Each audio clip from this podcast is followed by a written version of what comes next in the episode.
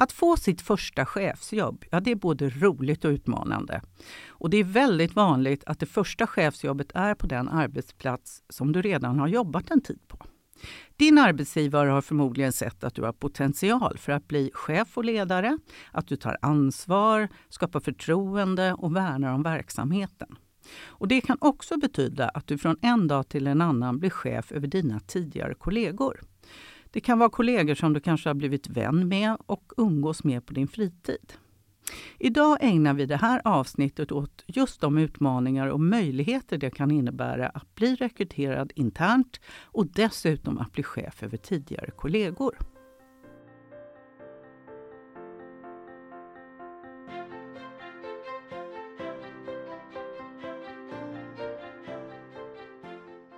Dagens tema kommer sig av att vi har fått in en fråga till chefsrådgivarna ledarna.se.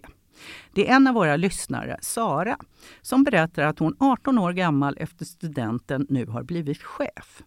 Det här tycker hon är roligt men också jobbigt och det innebär att hon ska chefa över sina tidigare kollegor som också har längre erfarenhet än Sara själv. Och Sara undrar, hon undrar hur hon ska hantera allt det här. Så med mig i studion idag för att prata om det och ge råd och tips till Sara så har jag med mig chefsrådgivare Anna Widing. Välkommen hit Anna! Tack så mycket! Hur såg det ut för dig Anna när du blev chef första gången? Ja, när jag blev chef första gången så var det faktiskt över mina kollegor. Eh, vilket var väldigt, väldigt spännande. På många sätt såklart och kittlar till lite grann. Men också givetvis jättemånga fördelar med att eh, man är redan en känd person. Man har redan ett upparbetat eh, mönster kring vem man är och eh, alla de delarna har man ju lite fördel av att, de, att man redan är känd. Mm. Du nämner ju de fördelarna att man är känd och att man känner organisationen. Ehm, kan det finnas några utmaningar? Då?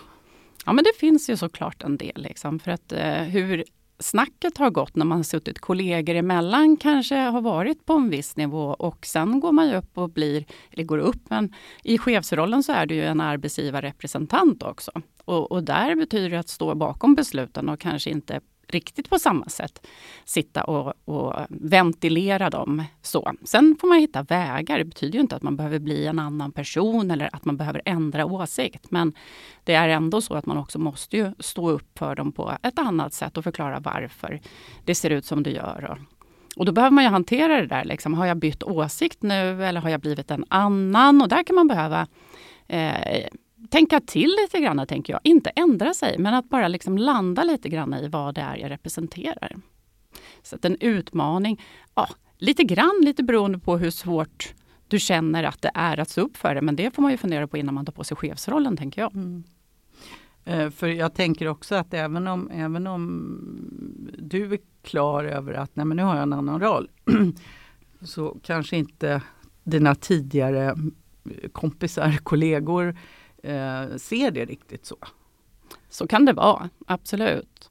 Eh, och där tror jag verkligen inte att det finns ett färdigt mönster utan man får ju känna sig för lite grann och kanske också ge sig själv lite tid för både kollegorna och sig själv i den nya rollen att hitta de här vägarna framåt. Men eh, att aldrig backa eh, ifrån. Pendla inte emellan är väl kanske ett litet tips man vill skicka med utan Eh, man kan inte vara kollega och, och, prata strunt som man gjorde tidigare kanske, om det nu var det man gjorde. Men på, på samma sätt i alla fall. Och sen i nästa sekund svänga och säga att eh, nu ska vi stå upp för... Då, då blir det otydligt. Mm. Så att, att jobba lite grann med den här tydligheten och ge det, ge det lite tid. Hur, när du blev chef över dina tidigare kollegor, hur förändrades relationen mellan dig och dem på något sätt?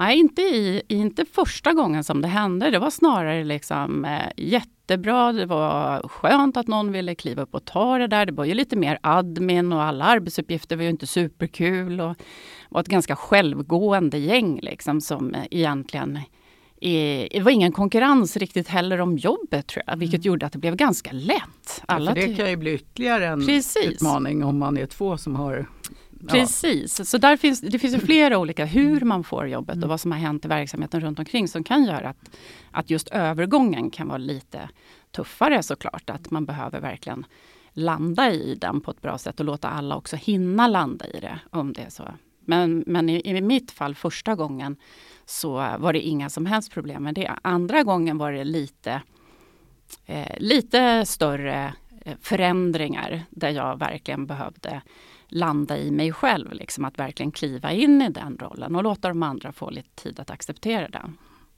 Jag har liknande erfarenhet när jag blev chef eh, första gången. Då efter mina studier så fick jag gå in som personalchef eh, på den organisation då jag hade jobbat på tidigare.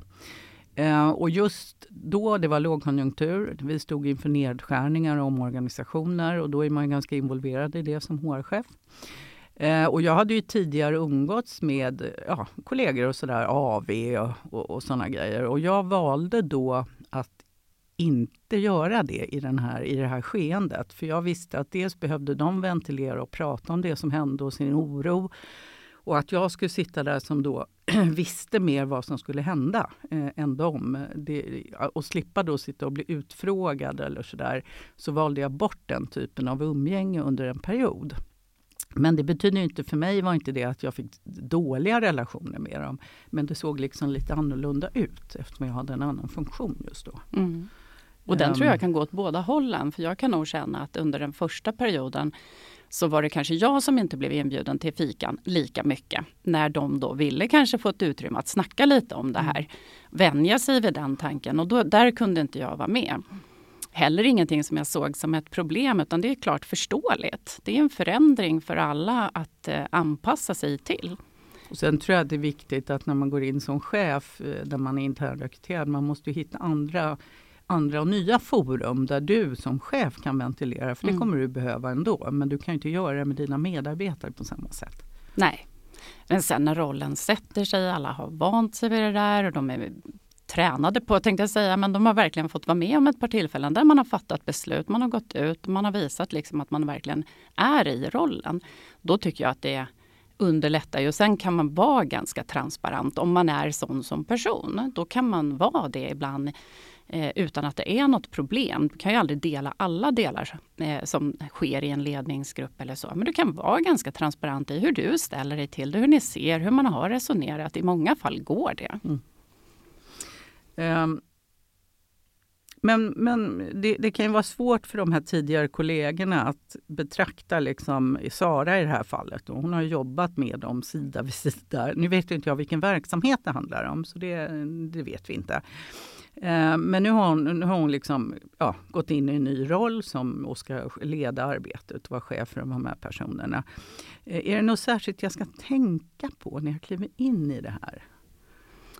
Ja, jag tänker att eh, berätta hur du tänker dig eh, vara som ledare och chef. Var tydlig med hur du ser på vägen framåt, hur du uppskattar kommunikationen, hur du kommer kommunicera beslut och hur öppen du kommer vara för dialoger. Allt du kan göra som gör att de andra vet lite mer hur de ska förhålla sig till dig i den här situationen.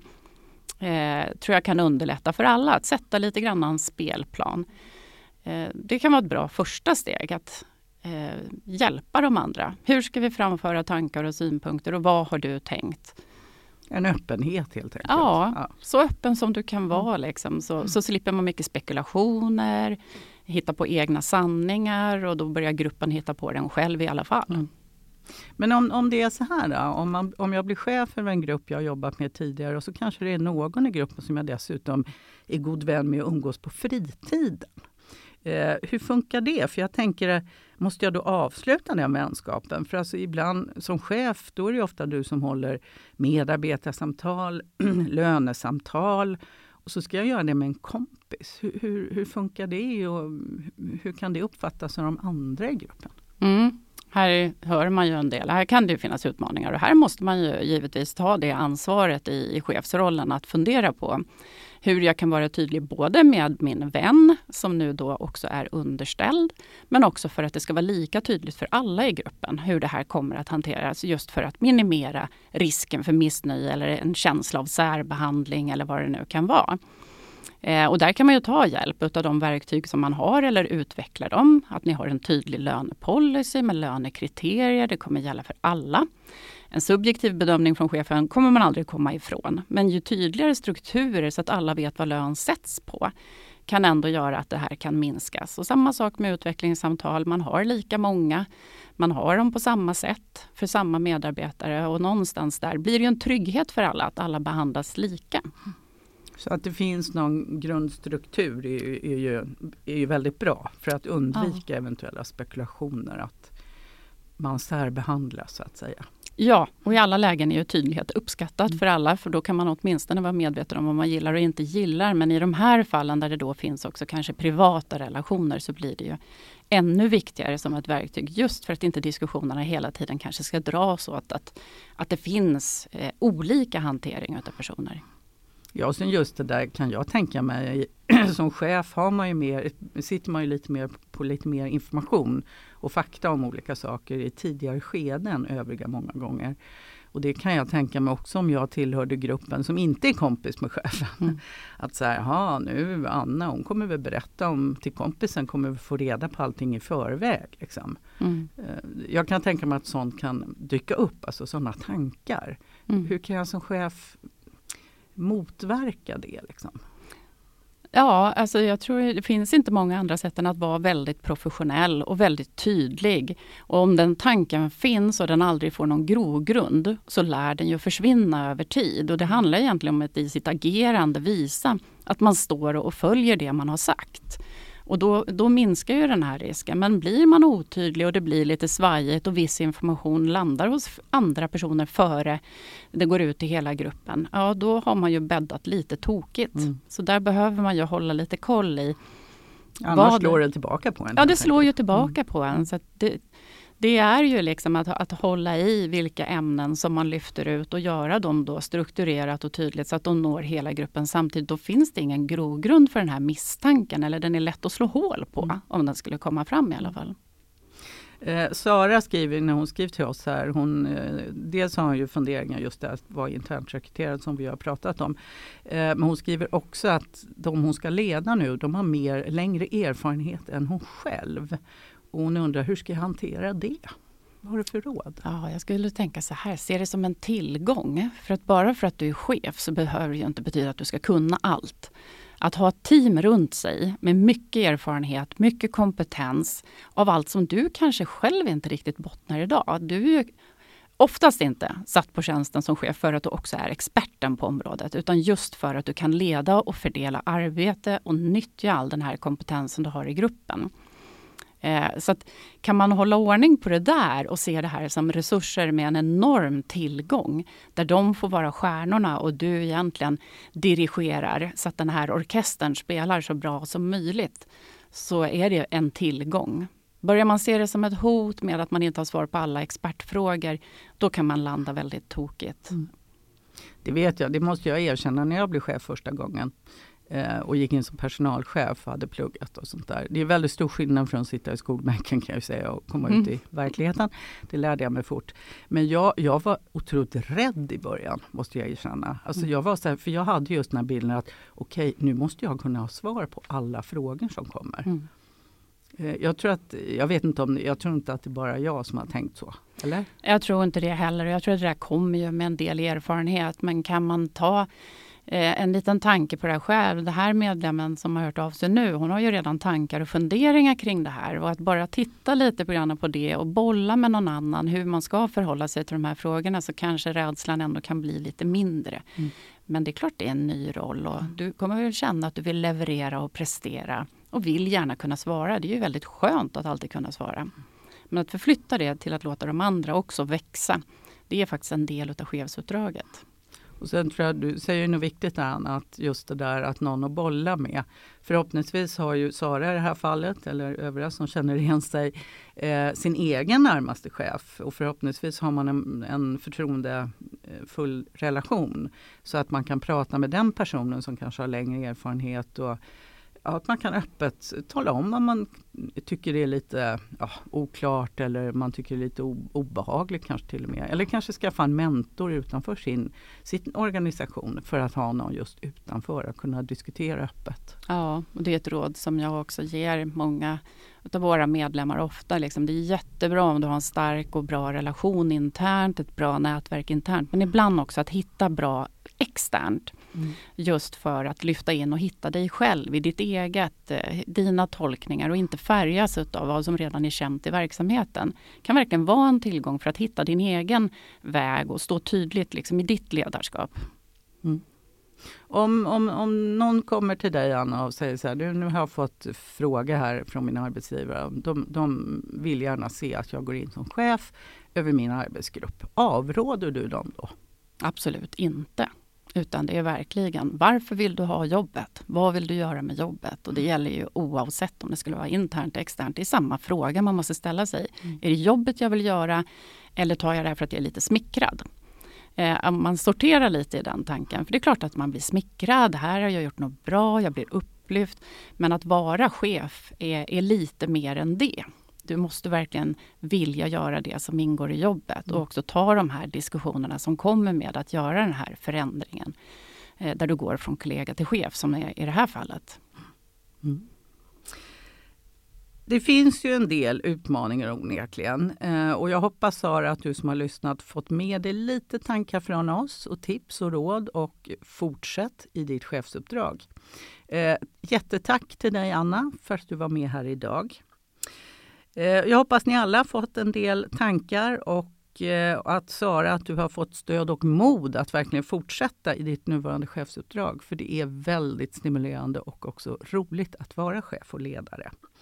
Det kommer säkert dagar när du tvivlar på dig själv i din chefsroll och eh, när du undrar om du verkligen är rätt person för jobbet. Men det tror jag vi alla hamnar i då och då. Men kom ihåg att det finns faktiskt ett skäl till att just du fick det här jobbet av din arbetsgivare. Du fick förtroendet. Och se till som vi sa att ha eget stöd där du kan ventilera dina tankar och eventuella farhågor. Och du vet väl att du som lyssnar att precis som Sara kan du ställa din fråga direkt till oss på chefsrådgivarna ledarna.se. Kanske kan det bli ett kommande avsnitt om just din frågeställning framöver. Tack för att du lyssnat.